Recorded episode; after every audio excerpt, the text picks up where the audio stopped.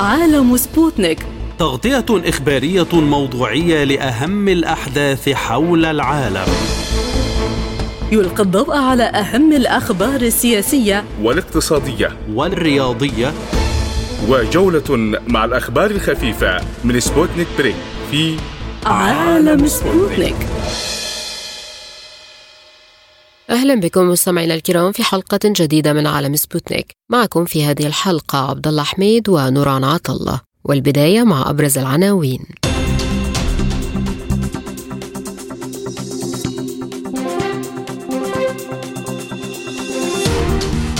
رئيس جنوب إفريقيا يطلع غوتيريش على تفاصيل مبادرة السلام الافريقيه الخاصة بأوكرانيا قبل وصوله كييف. حميدتي يقول إن الوساطة الأمريكية السعودية يمكن أن تمهد الطريق لسلام دائم وتحذير أممي من كارثة جديدة في دارفور. الخارجية الأمريكية تطالب إيران باتخاذ خطوات لتخفيف التوترات. اقتصاديا إعلان الشراكة العميقة بين روسيا والجزائر وتبون يقترح على بوتين دخول الجزائر إلى منظمة البريكس.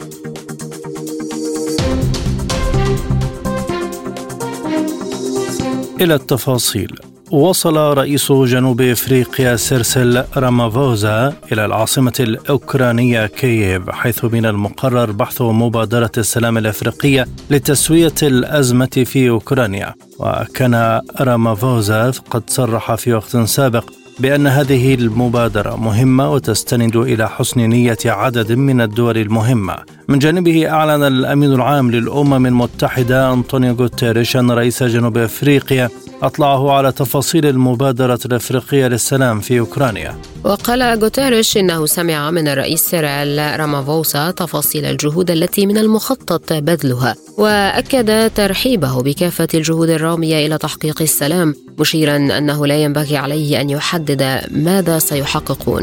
وكان الكرملين قد أعلن أن الرئيس الروسي فلاديمير بوتين سيستقبل السبت القادم وفدا من قادة الدول الإفريقية لبحث مبادرة سلام في أوكرانيا. وكان رئيس جمهورية جنوب إفريقيا سيرال رامافوزا قد أعلن في منتصف مايو أيار الماضي بأن روسيا وأوكرانيا وافقتا على وساطة القادة الأفارقة لبحث آفاق الأزمة الأوكرانية ضمن مبادرة السلام وقدم المبادرة نيابة عن نظرائه في زامبيا والسنغال والكونغو وأوغندا ومصر. ولمزيد من التفاصيل ينضم إلينا من القاهرة سيادة اللواء محمد عبد الواحد المتخصص في الشؤون الأفريقية. بعد تحية سيادة اللواء ما هي تفاصيل هذه المبادرة الأفريقية وأهم النقاط التي تتضمنها؟ أولا المبادرة دي هي مبادرة تم طرحها من قبل ليست وليدة اللحظة وفي شهر مايو من الشهر السابق الرئيس الجنوب أفريقي رامافوزا حقق اتصالات مع عدد من قادة خاصة البريكس سواء الرئيس الصيني أو الأمين العام للأمم المتحدة أو بعض أعضاء دول البريكس وطرحوا مبادرة لتحقيق السلام. المبادرة هنا يعني إحنا بنسميها مبادرة السلام الافريقيه، يعني حتى ما خدتش مبادرة البريكس أتخيل لأسباب عدة وهي سابق اتهام جنوب أفريقيا من قبل الولايات المتحدة الأمريكية أن جنوب أفريقيا بتزود روسيا بأسلحة ومعدات في خلال صراعها مع في الحرب الأوكرانية، وأتخيل هنا جاءت فكرة المبادرة الأفريقية، المبادرة الأفريقية هي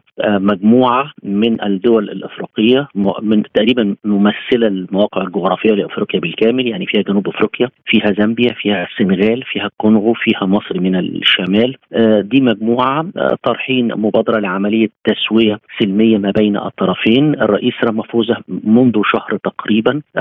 عقد اتصال مع الرئيس الروسي والرئيس الأوكراني زيلينسكي واتفقوا على هذه المبادرة. والاثنين الحقيقة ما فيش حتى عارض على الفكرة.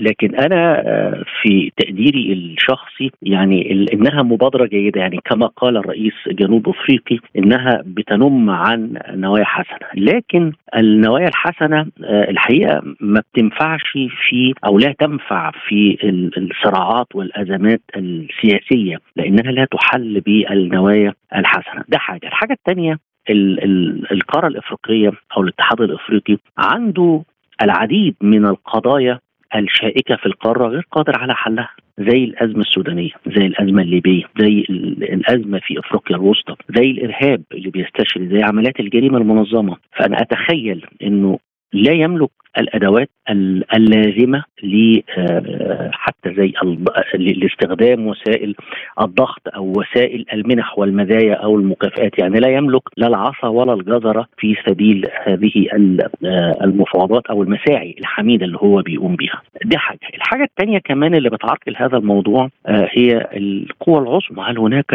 إرادة أمريكية قوية لإحلال سلام في المنطقة؟ أتخيل إن ده صعب. بوريس بوتين على علم بهذا تماما. هو بيوافق على أي مبادرات دبلوماسية ولكن شريطة أن تكون جد شريطة أن تكون تراعي البعد الأمن القومي الروسي. في المنطقة والحفاظ على إراداته إرادة روسيا نفسها في المنطقة وحفاظ لامنها القومي في دول نطاقها الجغرافي. هو هو على استعداد للدخول في مفاوضات دبلوماسية وسياسية. لكن أنا أتخيل إن يعني القرار الأمريكي لم يأذن بعد ل يعني مثل هذه المفاوضات. هناك وفد من عدد من زعماء القارة يذهبون للقاء رئيس بوتين السبت. هل يعتبر ذلك تحرك عملي للشروع في المبادرة؟ هنا هو فعلا امبارح اتحرك وقابلوا زيلينسكي اليوم النهارده يتحركوا يروحوا على سان بطرسبرج وللقاء الرئيس بوتين. زي ما قلت لحضرتك هو والوفد طبعا الافريقي أنا شايف إنها مبادرة جيدة زي ما اتفقنا فيها حسن نوايا لكن الأجندة بتاعتها حتى أجندة ضعيفة ما فيش استراتيجية شاملة أقدر أنفذها. يعني أنا ممكن حتى ما بين الصراع أصله في روسيا وأوكرانيا غير مرتبط بروسيا فقط وأوكرانيا ده مرتبط ب 43 دولة غير أوكرانيا مشاركين منهم الناتو 31 دولة ودول أخرى شركاء الولايات المتحده الأمريكية اللي بتساعد في هذا. فالقرار ليس في قرار الرئيس الأوكراني فقط. هو يسير وفق معايير أخ وفق رغبات أوروبية ورغبات أمريكية. وبالتالي ليس في يده قرار عملية التسوية أو المف... أو جلوس على مائدة مفاوضات. أتخيل من الصعوبة بمكان تنفيذ هذه المبادرة في الوقت الحاضر. هل يمكن أن تكون هذه المبادرة فاعلة أم أنها ستكون مثل سابقاتها دون جدوى؟ لا هتكون يعني مثل سابقتها ليس لها جدوى لأنها زي ما قلت لحضرتك لا تملك الأدوات الفاعلة. لما باجي أقول إن في مفاوضات المفاوضات لها شروط. شروط المفاوضات إن يكون الطرفين تقريبا متساويين. في مرحلة الصراع منحنيات الصراع عشان ابتدي اعقد مفاوضات يجب ان أنا انظر جيدا إلى المنحنى منحنى الصراع. في منحنى الصراع بتوجي نقطة بنسميها نقطة نضج الصراع. هذه النقطة أن كلا الطرفين بيوصل لمرحلة أنه لا أمل من العمل العسكري أن العمل العسكري مش هيوصله إلى نتيجة مطلوبة أن العمل العسكري ده أدى إلى خراب في البنية التحتية وعدد من الوفيات كثير في تهديدات إنه يتم تقديم القيادات العسكرية إلى محاكم جنائية دوليه يعني في مخاطر شديدة فبنسميها نقطة نضج الصراع. هذه النقطة لما بنوصل إليها وإحنا بنحسها بنقول آه الطرفين قادرين على إنهم يقعدوا على مائدة مفاوضات، مائدة وكلمة مفاوضات هنا برضو لها شروط، مفاوضات هنا يعني تكون القوتين متماثلتين، يعني الاثنين متشابهتين في القوة، متوازنتين، ما يبقاش طرف أقوى من طرف آخر، لأن لو في طرف أقوى من طرف آخر هنا ما بنسم... ما بتبقاش اسمها مفاوضات، بتبقى اسمها املاءات فرض شروط لكن مش مفاوضات. ال... هنا اللي إحنا بنشرحه ده كله في منحنيات الصراع هنا متوفر إن أنا ممكن أوصل إلى نقطة المفاوضات. الطرفين فعلا بعد سنة وثلاث شهور بدأوا في حالة إرهاق شديد في خسائر شديدة في رغبة من كلا الطرفين يقعدوا على مائدة المفاوضات. لكن هل الرغبة دي بتعبر عن نوايا جيدة؟ لكن النوايا الجيدة لا تطبق في الصراعات العسكرية ولا السياسية لأن في أطراف أخرى متورطة في النزاع ربما تكون لها أجندة أكبر من أجندة أوكرانيا نفسها. زي الولايات المتحدة الأمريكية وزي الناتو. هم لن يقبلوا بأي وقف للصراع في هذه الفترة. لديهم أهداف سواء أجندة أمريكية إنها تزيح روسيا من المنطقة إنها تفك الارتباط ما بين روسيا وأوروبا زي ما فعلت فعلا وشفنا اللي حصل في نورد ستريم واحد ونورد ستريم اثنين عملية فك الارتباط. وكمان في رغبة أوروبية هي الأخرى إنها بتجد إن روسيا مهدد للأمن القومي الأوروبي إنها ضد القيم والتقاليد الأوروبية إنها عدو للديمقراطية في أوروبا. هم ينظرون على هذا الأساس. وده كان واضح من خلال البوصلة الاستراتيجية اللي طرحها الاتحاد الأوروبي أو طرحتها من قبل فرنسا وتبناها الاتحاد الأوروبي قبل أحداث كورونا. يعني هناك رغبة ملحة. وعشان كده الأطراف الدولية سواء الولايات المتحده الأمريكية أو شركائها الأوروبيين أتخيل ان لم ولن يوافقوا على أي مبادرات خلال الفترة القادمة، هم لديهم رغبة ملحة باستنزاف الجيش الروسي إلى أقصى درجات الاستنزاف وضحوا بأوكرانيا والشعب الأوكراني، يعني هذا لا يهم يعني تعاملوا مع الأزمة ببراغماتية شديدة جدا.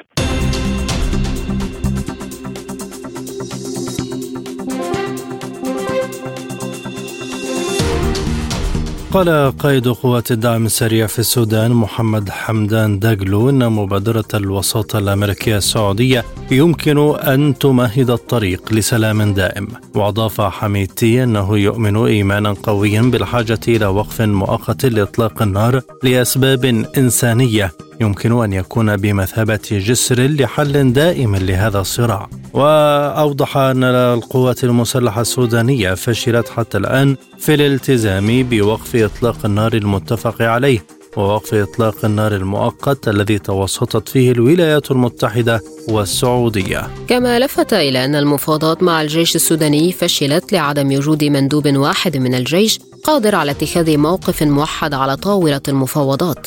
الوقت نفسه اعتبر مسؤول الشؤون الإنسانية في الأمم المتحدة مارتن جريفيث أن إقليم دارفور الذي يعيش سكانه كابوسا بسبب الحرب في السودان التي دخلت شهرها الثالث يتجه نحو كارثة إنسانية جديدة على العالم منعها. وشهد هذا الإقليم في بداية الألفية الثالثة حربا خلفت نحو 300 ألف ضحية وأجبرت أكثر من مليوني ونصف شخص على النزوح. من القاهرة ينضم إلينا الباحث السياسي السوداني السيد فيصل ياسين. أهلا بك أستاذ فيصل. لماذا لم تستغل الهدنة الأخيرة لوقف دائم لإطلاق النار؟ يبدو جليا أنه الخرطوم هي غير مستعدة في الوقت الحالي لإيقاف إطلاق النار لأسباب عديدة. منها أولا هنالك خيانة كبرى مارستها قوات الدعم السريع على على الجيش السوداني باعتباره المؤسسة التي تخلصت فيها قوات الدعم السريع وقدمت لها كل التسهيلات. وهي الآن تواجهها ممثلة في عدد من من من الأجندات الخارجية أمام الجيش السوداني. والسؤال هو ماذا كان سيحدث لو حدث ما حدث في الخرطوم في أي عاصمة عربية؟ هل كان سيتفرج جيشها ويراعي الخطاب الإنسانوي الذي الآن يحاصر قوات الشعب المسلحة أن تقوم بدورها الدستوري في الخرطوم؟ هذا ده السؤال مبدئي. الحاجة الثانية لا يمكن أن أن تمارس سياسة سياسة صناعة الأزمة والتوسط في حل الأزمة. أنا أعتقد أنه المجتمع الدولي الولايات المتحدة الأمريكية والدول والمجموعة الإقليمية هي ذات نفسها شريك خفي في صناعة الأزمة السودانية. بالتالي ليس لا أعتقد أن الوساطة السعودية الأمريكية هي ستكون أداة لحل باعتبار أن هنالك آراء كثيرة جدا جدا حول الوسيطين سواء كانت الولايات المتحدة الأمريكية أو حتى السعودية. لأنه الآن يتمظهر تماما أن هنالك الآن هنالك في العالم في في صقور في في المنطقة العربية هم يريدون أن يخلقوا واقعا عبره يسيطرون على أفريقيا. عبره يسيطرون على أفريقيا ومدخلات أفريقيا وهم الآن يتحولون إلى إلى أداة جديدة في النظام العالمي الجديد. أنا أفتكر إنه الخرطوم الآن لا أعتقد إنها ستنصاع للمؤامرة للاتفاقيه بتاعت جدة. أفتكر إنه تذهب إلى الاتجاه الأفريقي والاتجاه الأفريقي ذات نفسه الآن حصلت فيه حصلت فيه حادثة غريبة يعني. كان جنوب السودان هو رئيس الاتحاد الأفريقي في هذه الفترة وهو المفترض أن يستضيف هذه المبادرات وهو وهي الدولة التي أنجزت اتفاق جوبا. يرفض السودان يعلن السودان أن الممثل العام للأمم المتحدة فولكر شخصا غير مرغوب به والأمم المتحدة ترفض هذا القرار ويتحول فولكر إلى دولة كينيا وتأتي كينيا رئيسا آه، لهذه الدورة التي تدير الحوار ما بين كينيا. الآن هي غير محايدة أن كينيا لها علاقات بالدعم السريع هي تأوي قوات الدعم السريع آه، وتوفر لها كل التسهيلات. لكن هل يقدم الاتحاد الأفريقي خيارات تنهي الوضع بشكل نهائي في ظل تطلع الطرفين لإنهاء الأزمة عسكريا؟ يستطيع الاتحاد الأفريقي اذا إذا انطلق من مبدأ أن لأفريقيا حقها. الحياة. لأنه الآن آه، ما يحدث في السودان هو يستهدف أفريقيا كلها. لأنه نحن نلاحظ يعني عبر سنين الصراع الدولي أو صناعة النفوذ السياسي حول أفريقيا سواء كان في القرن الأفريقي في غرب أفريقيا. والآن يتمظهر أيضا النفوذ السياسي عربي. في منطقة القرن الافريقي في منطقة غرب أفريقيا وفي الوسط الأفريقي أحيانا يتخذ أشكال ايديولوجيه وأحيانا أخرى يتخذ مبادئ حقوق الإنسان. فالان أفريقيا هي ذات نفسها مستهدفة في في شكل السودان وإن هذه الأزمة السودانية إذا تمادت وعمت الفوضى في السودان هذه الفوضى بالضرورة ستعم معظم الجوار الأفريقي كله يعني لأن المنطقة الأفريقية هي منطقة مأزومة وتعاني من إشكاليات كثيرة جدا صنعها فيها الاستعمار، بالتالي الاتحاد الأفريقي ما حدث في السودان هو يمكن أن يحدث في أثيوبيا يمكن أن يحدث في أريتريا يمكن أن يحدث في تشاد يمكن يحدث في كل المناطق. لأن الآن الصراع الذي تديره قوات الدعم الصحيح هي تستخدم فيه مجموعات كبيرة جدا من المجموعات العربية حتى الأمازيغ ذات نفسهم الآن هم جزء من من الصراع في الخرطوم، اذا الخرطوم الآن لا تواجه مجموعة متمردة عليها فحسب بل تواجه مشروع دولي في لأفريقيا. بالتالي الاتحاد الأفريقي ومجلس السلم والأمن الأفريقي هم الذين يجب أن يتخذوا مواقف تنتمي إلى أفريقيا وشعوبها ودولها، أما ما يحدث في اتفاق جدة لا يمكن أن تكون أنت وسيطا وأسلحة.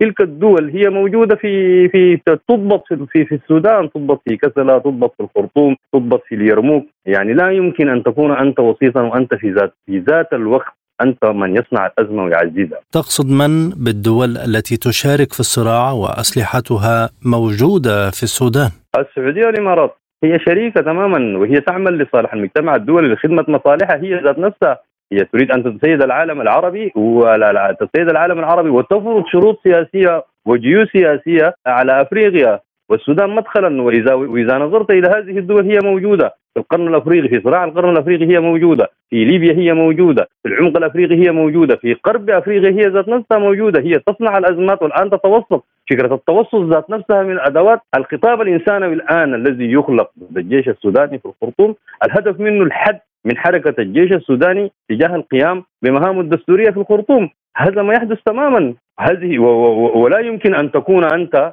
تريد أن تقدم مشروعا للحل وأنت ذات نفسك جزء من من من الأزمة يعني. أنت لا تريد حكومة مركزية قوية في السودان ودولة قوية في السودان كي تشاطرها مصالح استراتيجية. أنت تريد حكومات مفككة ضعيفة آه، تديرها مجموعات أشبه بالمماليك في العصور القديمة. أنت تريد عبرها أن تحقق المصالح الاقتصادية كلها. سيد ياسين بعد مقتل والي دارفور الأمم المتحدة حذرت من كارثة إنسانية جديدة، فما هو المتوقع هناك؟ أنا أفتكر إنه دارفور ستدخل الحركات والحركات إلى الآن هي محايدة ولكن ما مورس من قوات الدعم السريع وهي تريد هذا قوات الدعم السريع تريد أن تدخل القبائل في الصراع لأن دارفور هي أصل ذات نفس أول حاجة منطقة الخطاب القبلي فيها قديم ومؤثر وكذلك القبائل فيها هي أدوات حكم حقيقية يعني موجودة إلى الآن. وبالتالي حركة الصراع ما بين الدعم السريع ومجموعة المصاليط هو قديم.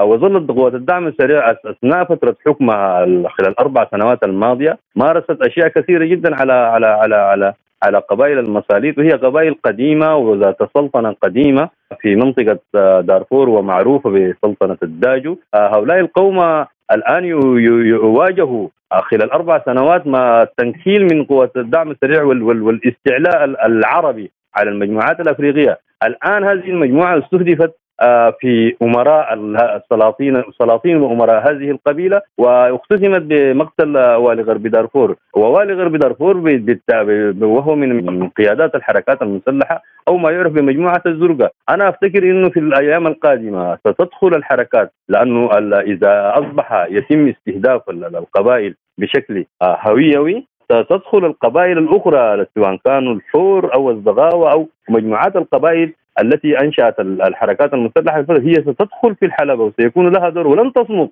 وهذا سيؤدي إلى تعزيم الأزمة في منطقة دارفور وستنتقل ستنتقل إلى تشاد وإلى أفريقيا الوسطى، أنا أفتكر إنه المشروع التغيير في الخرطوم هو فشل تماما والآن ستتحول الأزمة إلى أزمات أكثر حدة وأكثر قسوة وأكثر بشاعة. سواء كان في غرب دارفور أو في مناطق كردفان. ستعم الفوضى في هذه المنطقة وسيكون هنالك ضحايا كسر على المستوى الإنساني وربما تتعرض إلى إبادات. يعني الآن ما يحدث في الجنين هو عباده لا لا نستطيع أن نقول غير ذلك لأنها مذابح مذابح تروح فيها روح الإنسان بشكل سادي يعني كيعتقل رمزي سياسي ويدخل إلى غرفة ثم يخرجون يقولون خلاص الموضوع انتهى ثم يضعون صورة رجل ميت يعني حتى أن هنالك ليس احترام للموتى رجل ميت ويصور ويركل ويبشع به يعني هذه أكثر ما هي السادية؟ هذه هي السادية وهذه هي قوة الدعم السريع.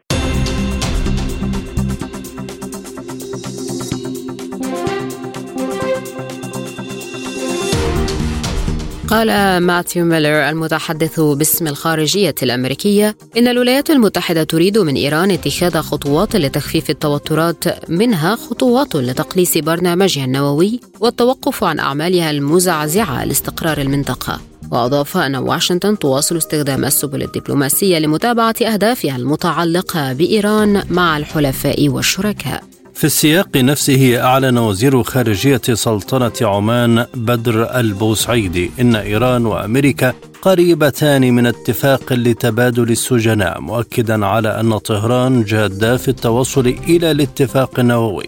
وقال البسعيدي إن بلاده عرضت بحسن نية أماكنها الدبلوماسية لمساعدة الجانبين سواء كان ذلك داخل عمان أو في أي مكان آخر مشيرا إلى أنه يشعر بالجدية من واشنطن وطهران للسعي لإحياء الاتفاق النووي. لمزيد من التفاصيل ينضم إلينا من باريس دكتور عماد الحمروني المحلل السياسي. بعد تحية دكتور عماد، ما هي الخطوات التي تطلبها واشنطن من إيران وخاصة مع وسطه عمان الجارية بين البلدين؟ في الحقيقة نحن نراقب ونلاحظ أن هناك مفاوضات مباشرة وغير مباشرة تقع في عمان وأيضا في قطر آه، من خلالها يحاول الجانب الأمريكي والجانب الإيراني آه، ربما الوصول إلى تفاهم وليس إلى العودة إلى الاتفاق. ما يبحث عنه الجانب الأمريكي وخصوصا السيد آه، بايدن وفريقه هو الحصول على اولا ربما تسريح بعض المعتقلين الأمريكيين داخل السجون الإيرانية كمبادرة آه، حسن النية. في المقابل يحاول الإيراني أن يطالب اولا بإنهاء تجميد آه، أصول مالية إيرانية خاصة المتواجدة بكوريا الجنوبية. هناك بعض يعني الإيجابيات في خصوص هذان الملفان ملف يعني إخراج معتقلين أمريكيين من السجون الامريكي الإيرانية ورفع يعني التجميد عن أصول مالية إيرانية بكوريا الجنوبية، فبالتالي آه، الحرص الأمريكي هو حرص سياسي في الحقيقة للحصول على أوراق آه، في الداخل الأمريكي في الصراع السياسي بين الديمقراطيين والجمهوريين، آه، الكل يستعمل الكثير من الأوراق ومن الجانب الإيراني يحاول فريق الرئيس الرئيسي الحصول على انفراجات اقتصادية خاصة وأن الوضع الاجتماعي والاقتصادي ضاغطا على حكومة السيد الرئيسي التي لم يعني تقوم ربما بما يجب في خصوص الملف الاقتصادي والاجتماعي. فبالتالي الوصول إلى رفع التجميد عن أصول مالية إيرانية يخدم الاقتصاد الإيراني وأيضا إفراج عن المعتقلين الأمريكيين ورقة مهمة من الجانب الأمريكي إضافة إلى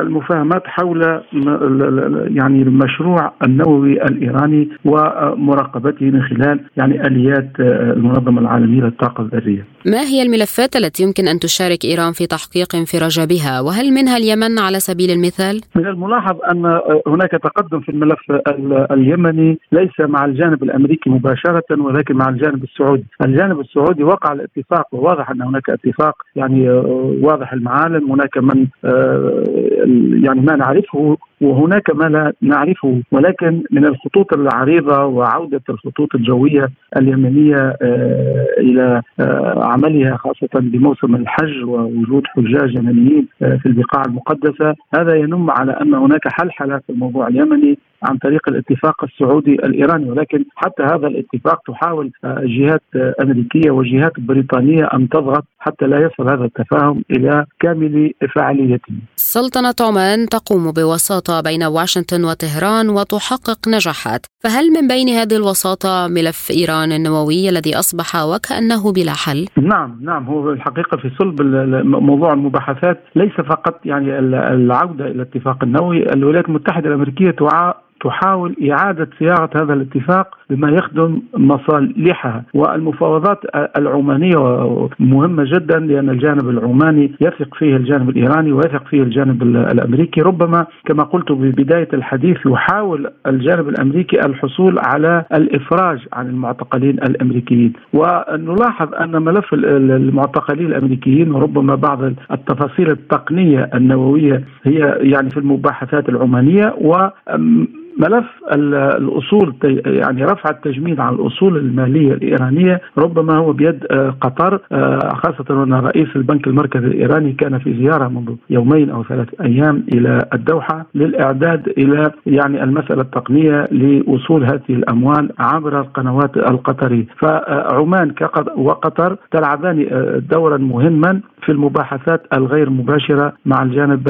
الأمريكي والجانب بين الجانب الأمريكي والجانب الإيراني، فالملف النووي هو ملف يعني ربما يذكره الأمريكي خدمة لاسرائيل وحكومة نتنياهو حتى يظهر الجانب الأمريكي أنه حريص على الأمن الإسرائيلي، ولكن في الحقيقة الجانب الأمريكي يبحث آه، في آه، تفاهمات أو تفاهم ما مع الجانب الإيراني في هذه المرحلة خصوصا للحاجة الأمريكية الداخلية لحاجة الديمقراطيين الداخلية لتحسين أدائهم الداخلي. وأيضا لا ننسى الحرب الأوكرانية الروسية وتأثيراتها أيضا على مجمل قضايا العلاقات الدولية بين الولايات المتحدة الأمريكية والكثير من الدول في أمريكا اللاتينية والدول الإفريقية، فبالتالي إيران يعني لديها دور بارز ومهم في آه، على الأقل يعني آه، في التوازنات ما بين الجانب الروسي والجانب الأمريكي والجانب الصيني في آه، منطقة آسيا وغرب آسيا. فالموقف الإيراني مهم هذا يعني اتفق عليه الساسه الأمريكيون. ولكن كيف نصل إلى تحقيق المصالح الأمريكية؟ هذا يجب على الإيراني أيضا أن يتفهم ربما هذه النقطة أيضا الجانب الأمريكي عليه أن يتفهم الحاجة المالية للحكومة الإيرانية و التفاهمات ستصل من الأكيد أن عندما نرى أن التصريحات آه، من إيران ومن آه، الجانب الأمريكي تقول ليس هناك عودة للاتفاق النووي إلى حتى هذه اللحظة ولكن ربما نصل إلى تفاهم حول المواضيع الثلاثة التي ذكرتها هي يعني المشروع النووي ورفع التجميد عن أصول مالية إيرانية والإفراج عن معتقلين أمريكيين بالسجون الإيرانية.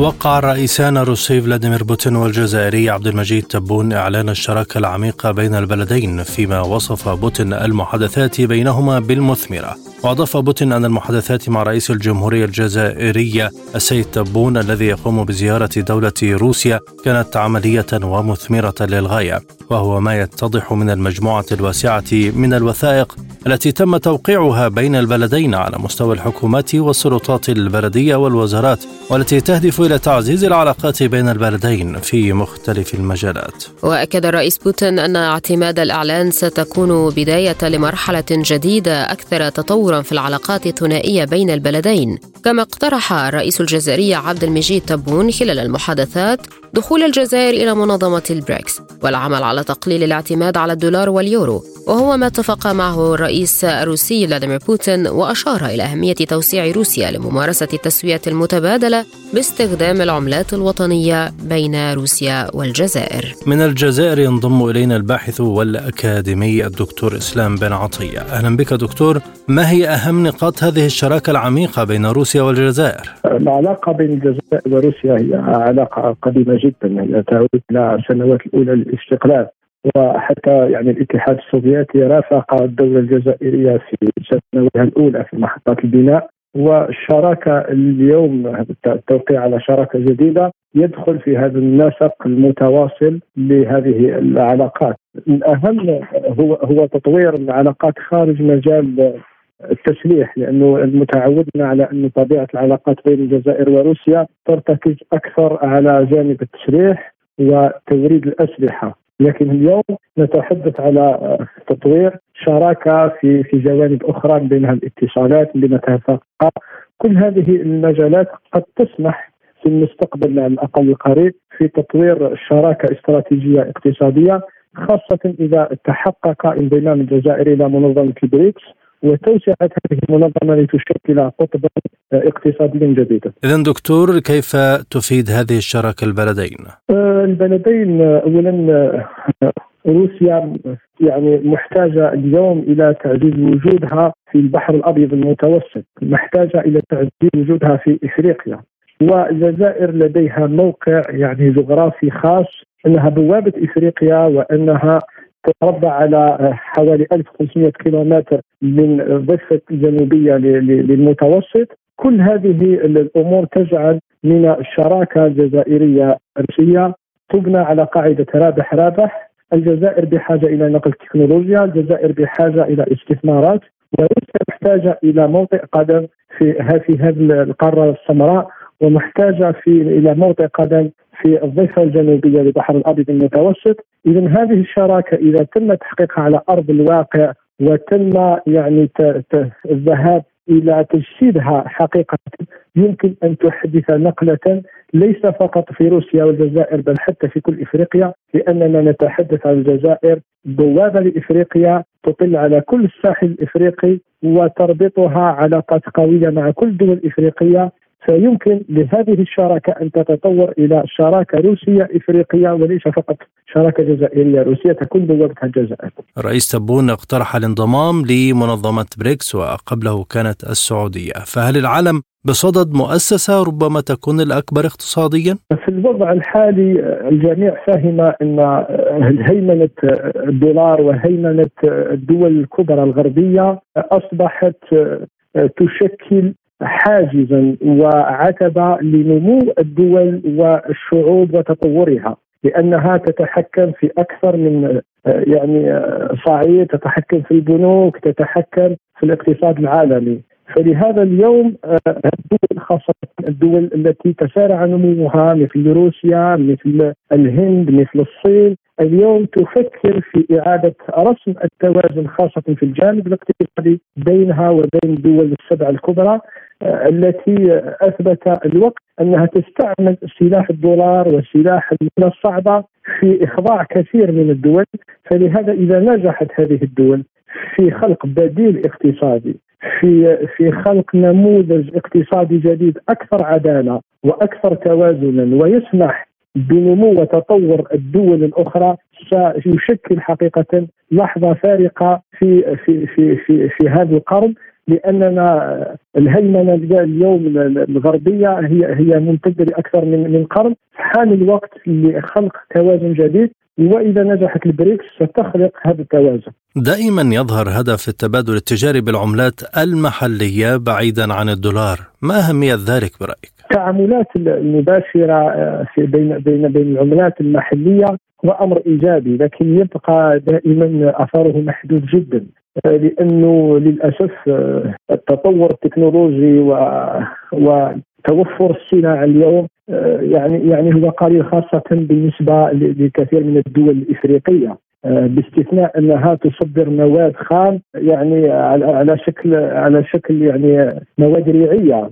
فلهذا مثلا دولة مثل الجزائر أو مصر ليس لها ما تقدمه من سلع صناعية أو نصف مصنعة أو سلع تكنولوجية. فلهذا يبقى آه، التحدي الأكبر للدول خاصة الإفريقية والدول السائرة في اطار النمو هو نقل التكنولوجيا هو التحكم في التكنولوجيا هو رفع من مستوى الموارد البشرية التي تمكنها من تحقيق توازن على الأقل في مستوى التجارة الخارجية مما سيعزز فرص التعامل بالعمل المحلية، لكن ما دامت هذه الدول ما زالت تعتمد على تصدير مواد خام معظمها يذهب إلى الدول الغربية اللي هي أوروبا والولايات المتحدة الأمريكية التي هي بحاجة إلى طاقة وحاجه إلى معادن لمصانعها. ستبقى هذه الدول بحاجة إلى عملة صعبة من أجل تسيير تسيير الدولة. فلهذا التحدي الأكبر ليس العملة بقدر ما هو بناء اقتصاد منتج التكنولوجيا ورفع من كفاءة الأداء الموارد البشرية في هذه الدول. الآن مستمعين إليكم جولة إخبارية حول العالم.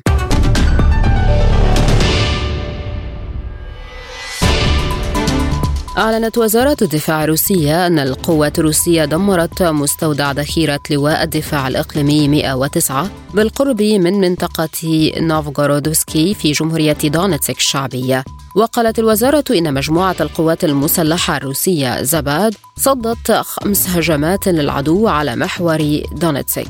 وأضافت وزارة الدفاع أن مجموعة القوات الروسية زاباد على اتجاه كوبيانسك قضت على ما يصل إلى 45 عسكريا أوكرانيا ودمرت سبع قطع من المعدات خلال اليوم وأوقفت أنشطة مجموعتين من مجموعات التخريب والاستطلاع الأوكرانية. شدد رئيس الوزراء العراقي محمد شيع السوداني على أهمية زيارة أمير قطر تميم بن حمد الثاني إلى بلاده. وقال السوداني إن زيارة أمير قطر للعراق تحمل دلالات مهمة وتعبر عن عمق العلاقة المتنامية بين البلدين. وأكد السوداني إن قطر تبقى واحدة من أكبر حلفاء العراق في منطقة الشرق الأوسط مضيفا أن بلاده تملك احتياطيا نفطيا يصل إلى 145 مليار برميل فضلا عن كونها تتمتع باستقرار أمني وسياسي يجعلها بيئة عمل واعدة ومستقبلية. قال مستشار الأمن القومي بالبيت الأبيض جايك سلوفن إن الولايات المتحدة لا تتوقع أي انفراج في العلاقات مع الصين خلال زيارة وزير الخارجية أنتوني بلينكن إلى بكين.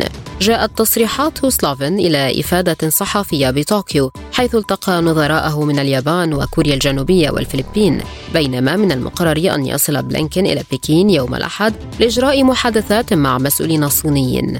وقال سلوفن إن بلينكن سيشرح خلال زيارته للصين السياسة الأمريكية. فيما تنتهج واشنطن دبلوماسية نشطة لإدارة التوتر بين أكبر اقتصادين في العالم. انتشل جيش كوريا الجنوبية جزءا من حطام الصاروخ الفضائي لكوريا الشمالية في البحر الأصفر في ختام عملية استعادة الحطام والتي استمرت أسابيع. وقالت هيئة الأركان المشتركة بجيش كوريا الجنوبية إنها رفعت الحطام الذي كان يعتقد في البداية أنه المرحلة الثانية من الصاروخ.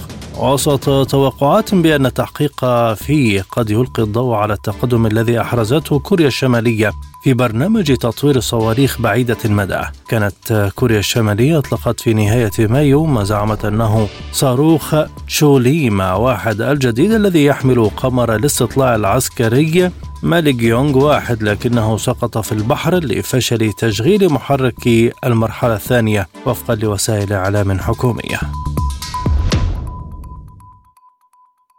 الآن إليكم تذكرة بأهم العناوين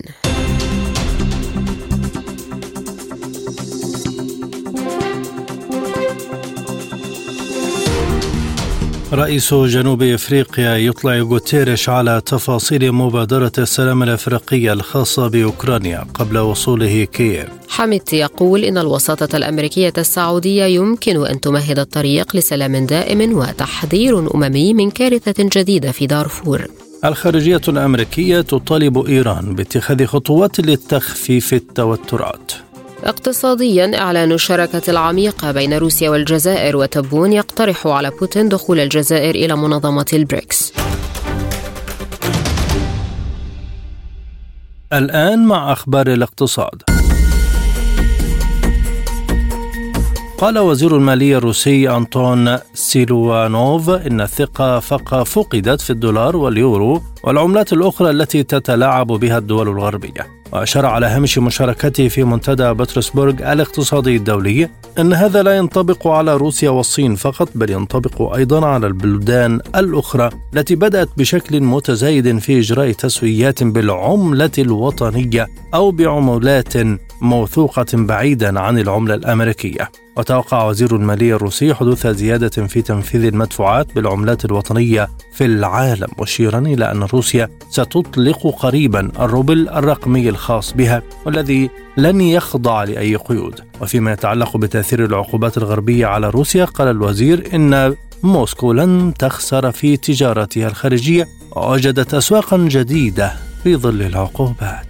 أعلن البنك الدولي عن إطار شراكة استراتيجية جديدة مع تونس خلال الفترة من 2023 وحتى 2027 بهدف مساندة المخطط التنموي للحكومة التونسية. وقال البنك الدولي في بيان إنه سيقوم في إطار هذه الشراكة بضخ ما يتراوح بين 400 و 500 مليون دولار سنويا في تونس لدفع نشاطها الاقتصادي. وأضاف أن هذه التمويلات سيتم تنفيذها عن طريق البنك الدولي ومؤسسة التمويل الدولية والوكالة الدولية لضمان الاستثمار بالإضافة إلى استثمارات إضافية من المؤسستين الأخيرتين.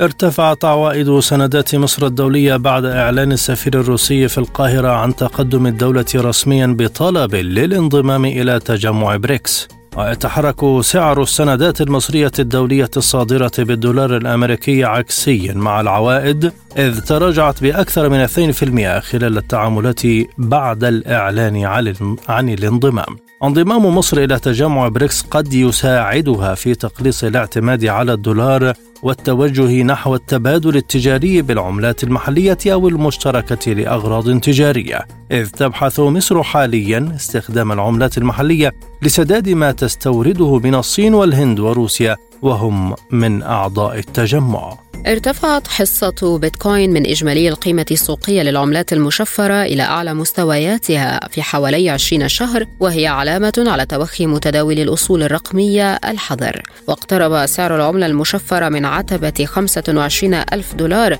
مما منحها رسملة قدرها 484 مليون دولار مليار دولار أو 45.8% من إجمالي قيمة أكثر من 10 ألاف عملة مشفرة تتبعها منصة كوين جيكو كما أنها على أو أعلى حصة تقتنصها العملة منذ أكتوبر 2021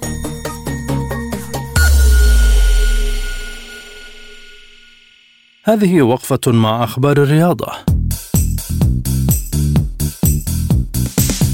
سجل البديل خوسيلو هدفا في الوقت القاتل ليقود إسبانيا للتأهل إلى نهائي دوري الأمم الأوروبية لكرة القدم للمرة الثانية على التوالي بفوز مستحق بهدفين لهدف على إيطاليا. وتواجه إسبانيا منتخب كرواتيا في النهائي المقرر يوم الأحد المقبل في روتردام وتلعب إيطاليا أمام هولندا في مباراة المركز الثالث. شدد كيليان مبابي قائد منتخب فرنسا على أن خياره الوحيد الآن هو البقاء في ناديه باريس سان جيرمان. مؤكدا أن الرئيس الفرنسي مانويل ماكرون لن يؤثر في مستقبله. جاء ذلك خلال مؤتمر صحفي عشية مباراة بين منتخبي فرنسا وجبل طارق في المرحلة الثالثة من التصفية المؤهلة لبطولة أوروبا يورو 2024 في ألمانيا. النجم الفرنسي كان قد وجه رسالة إلى ناديه. تفيد بأنه لن يفعل بندا لتمديد عقده الذي ينتهي عام 2024 لسنة إضافية حتى 2025 وأغضب ذلك باريس سان جيرمان في ظل تكهنات بإمكانية بيعه لكي لا يرحل مجانا العام المقبل. يستعد ريال مدريد الإسباني للإعلان عن رابع تعاقداته خلال فترة الانتقالات الصيفية الحالية بعد توصله لاتفاق مبدئي مع خوسيلو مهاجم إسبانيول. وأعلن الفريق الملكي حتى الآن عن تعاقده مع ثلاثة لاعبين هم فران غارسيا وإبراهيم دياز وجود بيلينغهام وذكر موقع ريليفو الإسباني أن الريال حسم اتفاقه مع خوسيلو ليدافع عن القميص الأبيض على سبيل الإعارة لموسم واحد بعد هبوط إسبانيول. أعلن نادي نابولي بطل الدوري الإيطالي لكرة القدم تعيين الفرنسي رودي غارسيا مدربا جديدا له. وقال نابولي عبر حساباته على وسائل التواصل الاجتماعي إن رودي غارسيا اختير مدربا جديدا لنابولي ويحل غارسيا البالغ من العمر 59 عاما والذي عمل كمدرب روما السابق خلفا للوتشيانو سباليتي الذي ترك منصبه بعدما قاد النادي إلى لقب الدوري الإيطالي للمرة الأولى منذ 33 عاما. وكان غارسيا أقيل في أبريل الماضي من تدريب نادي النصر السعودي الذي يلعب له النجم البرتغالي كريستيانو رونالدو. سبوتنيك بريك والأخبار الخفيفة. شهد مهرجان شنغهاي السينمائي الدولي الخامس والعشرين أول عرض عالمي لفيلم نينا الروسي الجورجي من بطولة يوليا بيريسيلد ويفغيني تسيغانوف الفيلم من إخراج الروسية أوكسانا بيتشوكوفا عرض في دار السينما بشنغهاي كما أدرج فيلم نينا على البرنامج الرئيسي للمهرجان. ويرى النقاد والسينمائيون أنه مرشح للفوز بجائزة من جوائز المهرجان. يضم برنامج المهرجان العام الجاري 53 فيلما بما في ذلك 24 فيلما سينمائيا وخمسة أفلام وثائقية وعشرة أفلام للرسوم المتحركة و14 فيلما قصيرا. أطلقت شركة جوجل مجموعة من المزايا والأدوات الجديدة لتقديم تجارب مميزة للمستخدمين في السفر والبحث والتسوق باستخدام الذكاء الاصطناعي. وطورت الشركة ميزة Virtual Try On مباشرة داخل محركها البحثي والتي تسمح للمستخدمين بالبحث عن الملابس التي تناسبهم من حيث المقاس واللون وما يناسب ألوان البشرة عبر تجربة التسوق الإلكتروني. وأوضحت الشركة أن دراسة جديدة أفادت بأن 24% من المتسوقين عبر الإنترنت يشعرون بأن صور العارضين داخل مواقع التسوق لا تمثلهم مع الملابس التي يرغبون في شرائها و59% لا تعجبهم الملابس بعد شرائها. وشرحت الشركة في بيان آلية عمل الميزة الجديدة من خلال تدريب نموذج للذكاء الاصطناعي على تغيير شكل ظهور قطع الملابس على أجسام مختلفة من حيث الحجم والتي تتراوح من double X إلى 4X large. وإلى جانب الأخذ في الاعتبار درجات ألوان البشرة وشكل الأجسام وأنماط الشعر المختلفة. تصدر دولتان عربيتان مؤشرا للبلدان الأكثر أمانا حول العالم وذلك للعام الثالث على التوالي. وأفادت مجلة جلوبال فاينانس البريطانية بأن دولة الإمارات قد تصدرت مؤشرا للبلدان الأكثر أمانا حول العالم للعام 2023 وذلك للعام الثالث على التوالي. وأكدت المجلة على موقعها الإلكتروني أن الإمارات احتلت المركز الثاني على مؤشر أكثر بلدان العالم أمانا بعد أيسلندا وجاءت قطر في المرتبة الثالثة حيث استندت المجلة في هذا التصنيف لدول العالم من حيث الأمان إلى عدة مقومات أساسية منها الموضوعية في تصنيف كل دولة على مؤشر السلام العالمي ومستوى الأمان الشخصي الذي يشعر به المواطن والمقيم والسائح في كل دولة. والآن مستمعينا أصحابكم مع زميلي خالد عبد الجبار مع أبرز ما تصدر مواقع التواصل الاجتماعي من ترندات وهاشتاجات. والبداية بالعناوين.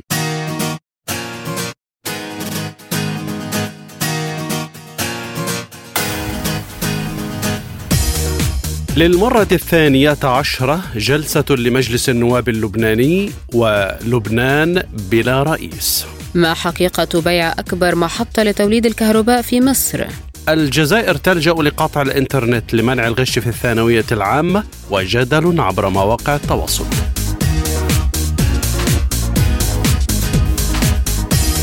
إلى التفاصيل تصدرت الجلسة الثانية عشر لانتخاب رئيس للجمهورية اللبنانية حديث مواقع التواصل الاجتماعي في لبنان وعدد من الدول العربية. فقد عقد مجلس النواب اللبناني الأربعاء جلسة جديدة لانتخاب رئيس للجمهورية في ظل عدم التوافق بين الفرقاء السياسيين على اسم مرشح واحد. وبقي تمسك الثنائي حركة أمل وحزب الله وعدد من النواب بالمرشح والوزير السابق سليمان فرنجية في حين تقاطعت قوى المعارضة والتيار الوطني الحر على ترشيح الوزير السابق جهاد أزعور بينما هناك فريق من النواب لم يصوت للطرفين. ورفع رئيس مجلس النواب نبيه بري الجلسة بعد فقدانها النصاب القانوني في الدورة الثانية حيث لوحظ أن عددا من النواب بدأوا بمغادرة الجلسة مباشرة بعد إدلائهم بأصواتهم في دورة الأقتراع الأولى أي من دون انتظار نتيجة الفرز في مؤشر إلى التوجه نحو تطهير نصاب الجلسة قبل الوصول إلى دورة الأقتراع الثانية. وبحسب الدستور اللبناني فإن المعتمد في نصاب جلسة انتخاب رئيس الجمهورية هو ثلثاء عدد النواب أي ست 86 نائبا من أصل 128 نائبا في البرلمان. ويحصل المرشح الفائز على ثلثي عدد نواب المجلس في الدورة الأولى أو على الأغلبية المطلقة أي 65 صوتا في الدورة الثانية وهو ما لم يحصل عليه كلا المرشحين. تحدث كثير من المغردين عن دستورية الجلسة الرئاسية من عدمها. فكتبت النائبة ستريدا جعجع الجلسة غير دستورية. هناك أوراق معلمة مثل أوراق لبنان الجديد واتضح أن عدد الأرقام لم تكن مطابقة مع الأوراق الموجودة في صندوق الاقتراع. وهذا الأمر غير قانوني وكان من المفترض إعادة التصويت مرة ثانية.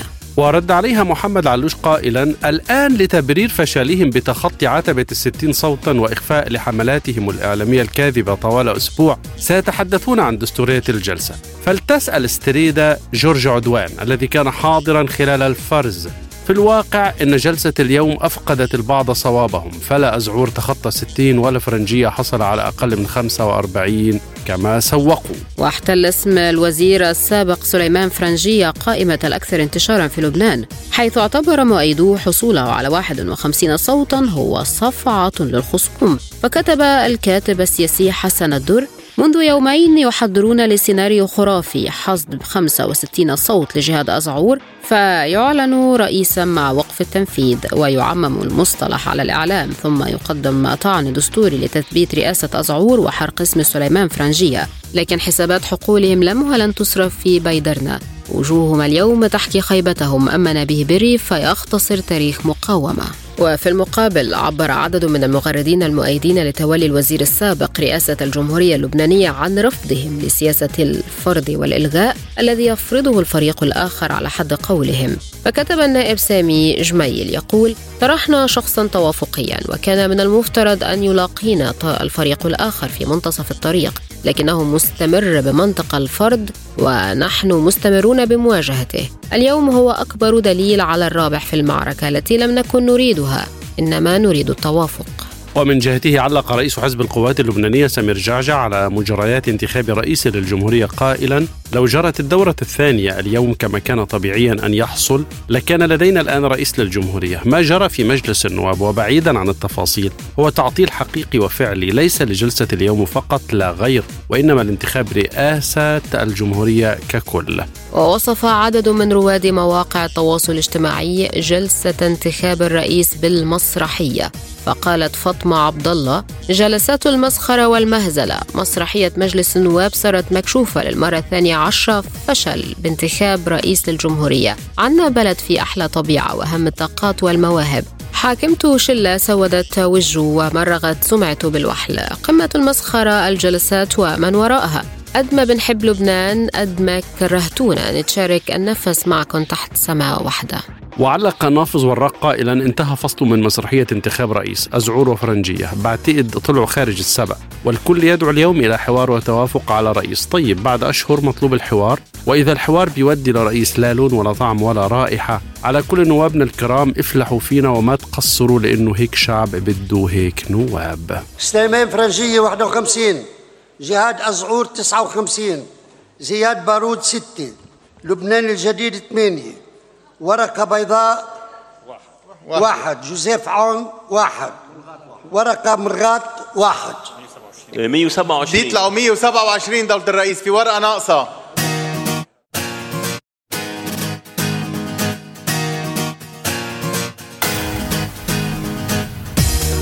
أثار تقرير نشرته وكالة بلومبرج يكشف نية شركتين أجنبيتين شراء محطة كهرباء بني سويف إحدى أكبر محطات الكهرباء في مصر أثار جدلا واسعا بين رواد منصات التواصل الاجتماعي. وبحسب وكالة بلومبرج فإن شركتي أكتس البريطانية وأدرا باور هولدينغز الماليزية أبدتا اهتماما متجددا بشراء محطة كهرباء سيمنز في بني سويف في صفقة قد تبلغ قيمتها حوالي مليار دولار. وأنشأت الحكومة المصرية محطة بني سويف سيمنز عام 2018 بتكلفة مليارين و500 ألف يورو ويبلغ إجمالي القدرة الكهربائية للمحطة نحو 4800 ميجاوات. وفي حين لم يصدر أي تعليق من الحكومة المصرية حول هذه الأنباء المتداولة بشأن المحطة تفاعل المغردون على منصة تويتر بين من انتقد القرار في حال تنفيذه وبين من اعتبر أنها قد تكون صفقة استثمارية ناجحة. فكتبت نجوى تقول محطة كهرباء بني سويف تم التعاقد عليها مع سيمنز الألمانية والسويدي إلكتريك لبنائها عام 2014 كلفت ملياري يورو ونصف المليار يعني تقريبا ملياري دولار و700 ألف دولار تم افتتاحها عام 2018 الحكومة شغلتها خمس سنوات واسترجعت جزءا كبيرا من التكلفة. الآن يتم بيع 70% منها بملياري دولار والحكومة تبقى في على 30% بكل المقاييس صفقة جيدة. ودخول مشغل أجنبي أيضا سيرفع من الكفاءة والخبرة. وكتب وجيه الشاعر يقول كل ما أنفقه الرئيس السيسي على المشروعات القومية منذ توليه حكم البلاد سوف يأتي بأرباح أضعاف مضاعفة من خلال عمليات البيع للمستثمرين. محطة كهرباء بني سويف أول خطوة لجمع 40 مليار دولار ولا عزاء للحاقدين والشامتين معلومة. تم سداد 85% من إجمالي تكلفة المحطة. وفي المقابل كتب منير زين يقول إحنا من بلد الحكومة فيها عاوزة تبني محطة كهرباء تعتمد على الرياح بتكلفة تصل 5 مليارات دولار. في وقت بتبيع فيه أكبر محطة كهرباء في مصر في مدينة بني سويف بثلث ثمنها. وكتبت وجدان نصار تقول نفرح ب 2 مليار لبيع محطة كهرباء بني سويف وكم مليون بيع فودافون؟ سؤالي. إذا كنا أوقفنا الاستيراد والبضائع في الجمارك مركونة أين تذهب ال 30 مليار دولار العاملين بالخارج والتسعة بتوع السياحة والثمانية بتوع قناة السويس والخمسين بتوع التصدير؟ ما حد يفهمنا ولا البيع فرض عين لإرضاء البنك الدولي؟ وكتبت شاهيناز ساخرة هو أنا فاتحة تويتر ولا سوق الجمعة. إيه كمية الأخبار عن بيع الشركات دي. بيع 70% من محطة كهرباء بني سويف. بيع 49% من حفر البترول. صندوق وشركة لقناة السويس تمهيدا للتصرف فيها بعيدا. هو في إيه يا ناس؟ خايفة أصحى في يوم ألاقي شارعنا اللي ساكنين فيه. اتباع. ما تيجي تقول لي يا عمرو مثلا ده للتبسيط المخل. إنه حد باع مصنع لبن. هقول لك آه مصنع لبن. كان اسمه بولولوم بقى اسمه بولولوم بولولوم. خلاص؟ وغيروا اللوجو وغيروا شكل العلبة. ده في المنتجات ولكن في الخدمات. أما تيجي حد يبيع محطة كهرباء محطة الكهرباء دي هتتعامل مع الجمهور إزاي؟ يعني محطة بني سويف دي للكهرباء بتولد كهرباء داخلة على الشبكة العامة. إيه هتبقى طبيعة الشكل التعاقدي لأن هي مش هتبقى ملك للدولة هتبقى ملك لشركة بريطانية ماليزية. طب الشركة البريطانية الماليزية دي هتبيع للدولة كهرباء؟ ولا هي هتبيع للمواطنين كهرباء؟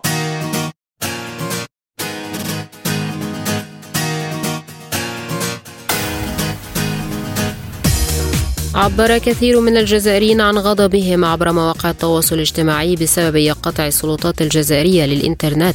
تزامنا مع انطلاق امتحانات البكالوريا كإجراء احترازي دأبت عليه لمنع الغش وينتظر أن يستمر تعطيل الإنترنت حتى نهاية الامتحانات. وأثار قطع الإنترنت جدلا واسعا عبر مواقع التواصل الاجتماعي إذ انتقد كثيرون المسؤولين الجزائريين ووعودهم بعدم قطع الإنترنت خلال امتحانات الثانوية العامة. وتداول ناشطون مقطع فيديو قديما للرئيس الجزائري عبد المجيد تبون يعود لعام 2020 وعد خلاله باللجوء إلى وسائل تقنية جديدة من أجل تأمين إجراء الامتحانات الخاصة بشهادة البكالوريا بدلا من إجراء قطع الإنترنت. أبواب هذه الوكالات السياحية في الجزائر العاصمة ستبقى موصدة طوال اليوم وربما طوال الأسبوع.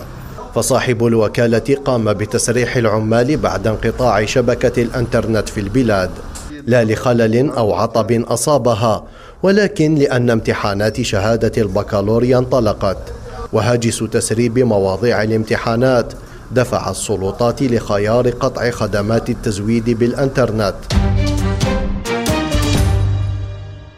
وفي الختام إليكم تذكرة بأهم ما جاء في عالم سبوتنيك هذا اليوم.